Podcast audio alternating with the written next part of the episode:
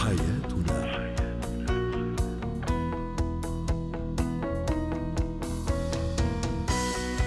نجدد تحية لكل مستمعينا أنتم تستمعون لبرنامج حياتنا برنامجكم الذي يعنى بشؤون الأسرة وباقي الشؤون الحياتية الأخرى.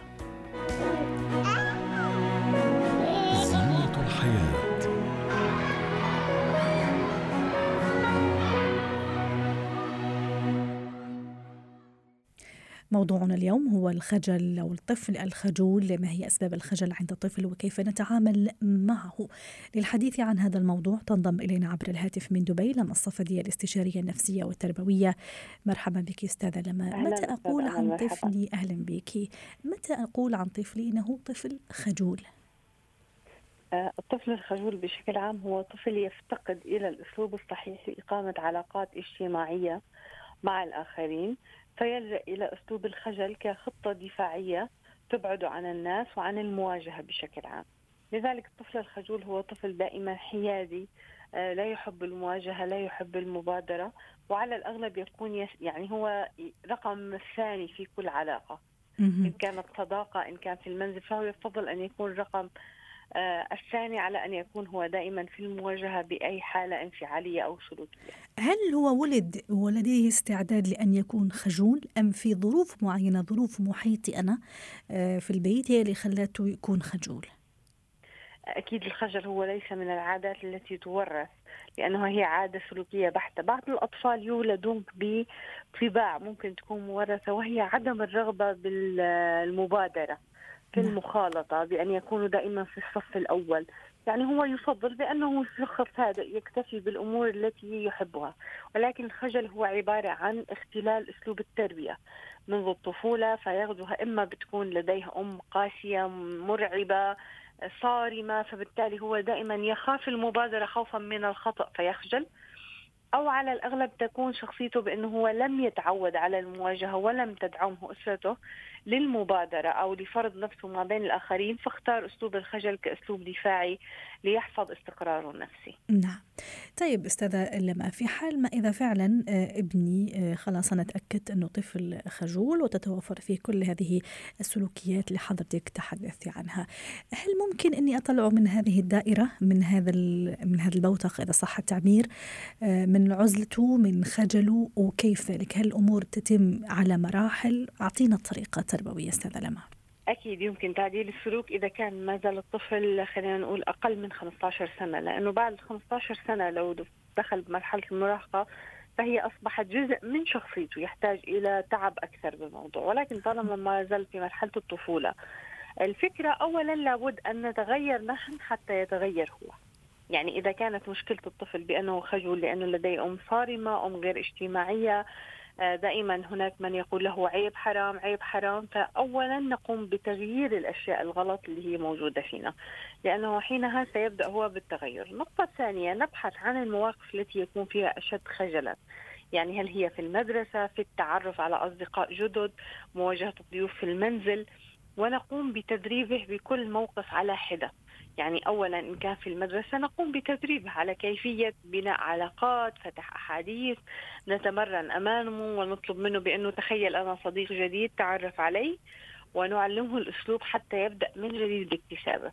لو كان خجله بكل مكان وزمان فاذا لابد من تعديل مفهوم الثقة بالنفس.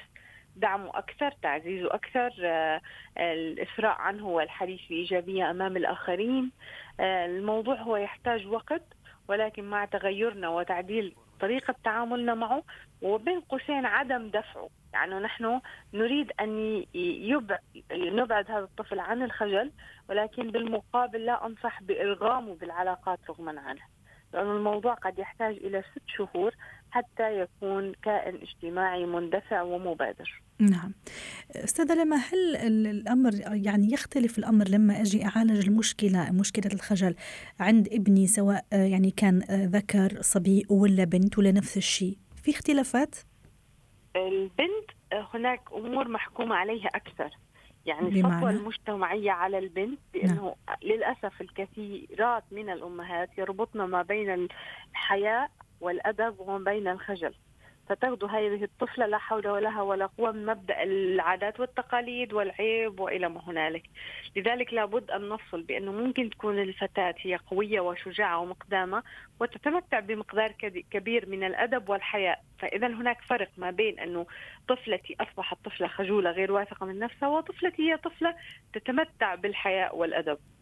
لذلك هناك فرق ما بين الفتيات والفتيان. نعم. أما بالنسبة وأيضا المجتمع لا يرحم إذا كان الفتى هو فتى خجول زيادة عن اللزوم لأنه هناك ألقاب سيئة يصدرها المجتمع على الفتى يقومون بتشبيهه بالبنات وإلى ما هنالك والتشكيك بسلوكه صحيح. لذلك إذا هي أساليب مختلفة ونحن فعلا أمام مشكلة يعني ليست بالهينة إذا حنا كأهل يعني استهينا أو استهينا بهذا الموضوع يعني أنه خلص ممكن غدا راح يكبر ابني أو بنتي وراح يواجه المجتمع وراح تتغير آه، شخصيته في الحقيقة أنه شخصية تبنى منذ آه، الصغر. حتى نختم رسالتنا ست لما وأيضا آه، أنا حبيت أسأل على موضوع إشراكهم في مثلا منتديات لقاءات مع أصدقاء لما لا ممكن يعني نزهات جماعية. هل هذا أيضا يساهم في الموضوع؟ طبعا, طبعا. أفكارك رائعة كالعادة. طبعا أستاذ أمل هذا الكلام صحيح 100% لأنه نحن عندما نقوم بإشراكهم بالنشاطات التعرف التفاعل الاجتماعي هو بحد ذاته ممكن أن يبرز أشياء موجودة بشخصيتهم. يعني ممكن طفل لديه موهبة معينة لديه مكان هو يستطيع أن يكون فيه لطيف خفيف الظل فبالتالي يكسب التأييد الاجتماعي. أحيانا ست لما خليتيني أذكر شغلة أحيانا الولد ما يخجل أمام الجميع بس يجي قدام أبوه أو أمه يخجل. يعني تعتريه صفة الخجل.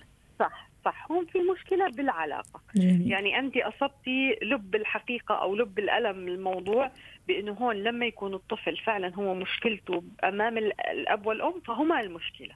أيوة. قولا واحدا إذا كان هو اجتماعي خارج المنزل منطلق اجتماعي متفاعل يأتي إلى المنزل ينزوي هو خجول لا يتفاعل فأنتم السبب جميل. بالمختصر. ورسالتنا لهؤلاء؟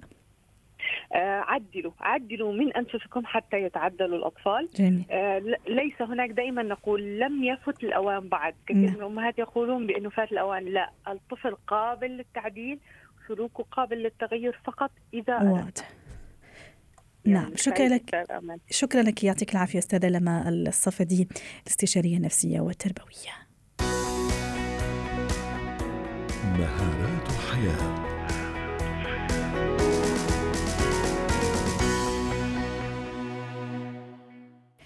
نتحدث اليوم عن الشخصية المغرورة أو الشخص المغرور كيف نتعامل معه ما هي المهارات التي نستعملها معه.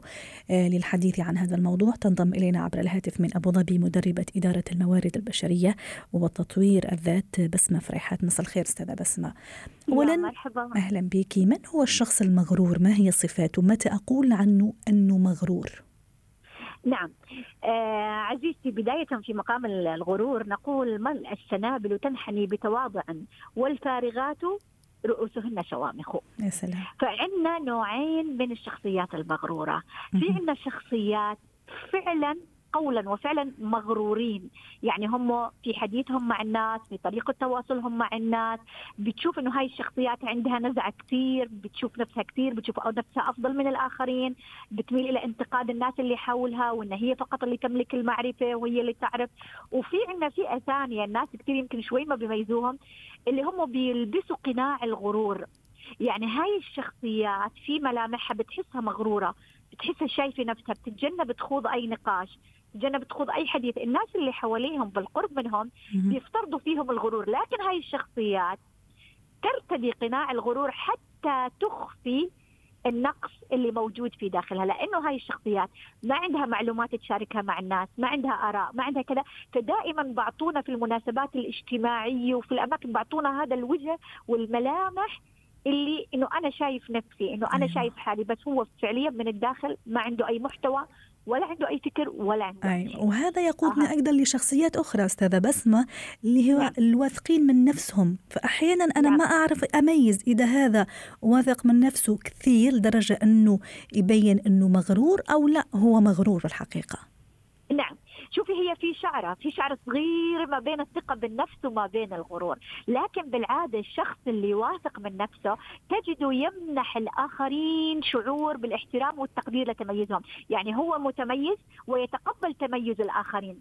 أها. يعني يعترف بتميز الآخرين. الثاني لا يعترف. الثاني لا يعترف بتميز الآخرين يفترض أيوه. بنفسه أنه هو من يملك المعرفة هو من يملك يعني آه، هو منتهى الكون وأنا وأنا وما بعد الطوفان مثل ما بيقولوا فهاي طيب. الشخص نعم أنا الآن أمام هذا هذا النوع من الشخصيات سواء في نعم. العمل في حياتنا العامة في لقاءاتنا وما إلى ذلك أستاذة بسمة هل نعم. في خطوات مهارات معينة تفيدينا بها اليوم حتى نتعامل مع هذا النوع من الشخصيات طبعا. شوفي العلاقة تختلف. هل الشخص المغرور هو من عيلتك؟ فرد من أسرتك؟ هل هو زوج هل هو آه، مثلا من الأبناء؟ تختلف العلاقات. ما في سيناريو يعني واحد اللي أقول لك على كل السيناريوهات أنه ينفع. لكن. بشكل عام وبخطوط عريضة أول شيء لازم نتعامل بقناعة بقناعة إنه الشخص المغرور يا جماعة يعني بنزعل عليه ما بنزعل منه. لأن الغرور صفة يعني سيئة في الإنسان. وغير محبوبة. فهذا الشخص أول قناعة إنه إحنا لازم نتعامل معها من الداخل بالتعاطف آه، بالشفقة مع هاي الشخصية لأنه هو خلل. يعني هو خلل في الشخصية. هو خلل في الشخصية. فأنا الشخص المغرور من داخلي ما بأخذه دائما على محمل الجد. وعلى حسب برضه برضه بأكد هون على حسب العلاقة. لنفترض مثلا في ميدان العمل. عندك زميل أو عندك مدير أو عندك مسؤول أو إلى آخره. ما نأخذ دائما الموضوع الند بالند. مش لازم أنا أفوز عليه مش لازم أنا أنتصر عليه. ما أدخل كثير في نقاش معاهم لأنه هاي الشخصيات كثير متعنتة بآرائها كثير متمسكة بآرائها كثير بتعرف يعني بتعتبر نفسها إن هي منتهى العالم. طيب اذا إذا كان هذا الشخص يعني وجوده في حياتي أو وجودها في حياتي يعني بشكل متكرر فلنقل زوج زوجة آه، يعني شخص لازم أنا أتعامل معه بشكل دائم ويومي. نعم. هلا الآن في العلاقات في العلاقات بدك أنت إذا إحنا حتى ننجح علاقاتنا آه لازم الصراحه ولازم بس بنفس الوقت لازم نكون حذرين في انتقاء كلماتنا. يعني أنا إذا بدي أنبه شريك حياتي أو إذا بدي أنبه شريكة حياتي إلى إنه مثلا عنده شوية من الغرور أو هاي بدي أكون حذرة جدا في انتقاء كلماتي لما أنا بناقشه أو بصارحه طب أعطيني كذا كلمتين أو ثلاث حتى أناقشه واصارحه وكمان أيضا بالنسبة لزميل مقرب أو مدير أو أي شيء شخص أنا يعني أتعامل معه بشكل يومي. آه ممكن أنا أقول مثلا للشخص أنت يعني أنا أنت شخص رائع وأنت كثير في ميزات لكن أجد مثلا عندك شوية تعنت أو تزمت بآرائك الخاصة. آه بلاحظ إنه مثلا بلاحظها ما بقول له أنت أنت أنت ما بهجم عليه. أيوه. ما, ما بكون هجومية في حديثي. ومهم جدا كمان لما أنا بتحدث معاه نبرة صوتي اللي أنا بتحدث فيها. يعني أتحدث بنبرة الصوت الهادية اللي فيها النصح آه، وليس الهجوم. وليس الهجوم. ما أكون هجومية عليه. ما أقول له إنت فيك وإنت مغرور وإنت شايف نفسك وإنت ما بتحترم الآخر وإنت وإنت لا. بحاول إني أنا أول شيء لازم أتكلم بنبرة صوت واطية لأنه على فكرة 90% من أفكارنا يتم رفضها بسبب نبرة الصوت. بس صحيح. طريقة نبرة صوتنا اللي إحنا حكينا فيها. فنبرتنا تكون ناصحة بالنصح وليست بالهجوم. وليست بالهجوم. فلان أو فلانة أنا جدا حريصة على العلاقة معك وحريصة إنه علاقتنا تكون فيها محبة وسلام وانسجام بس أنا بحس عندك شوية تزمت لأفكارك أو شوية تزمت لآرائك.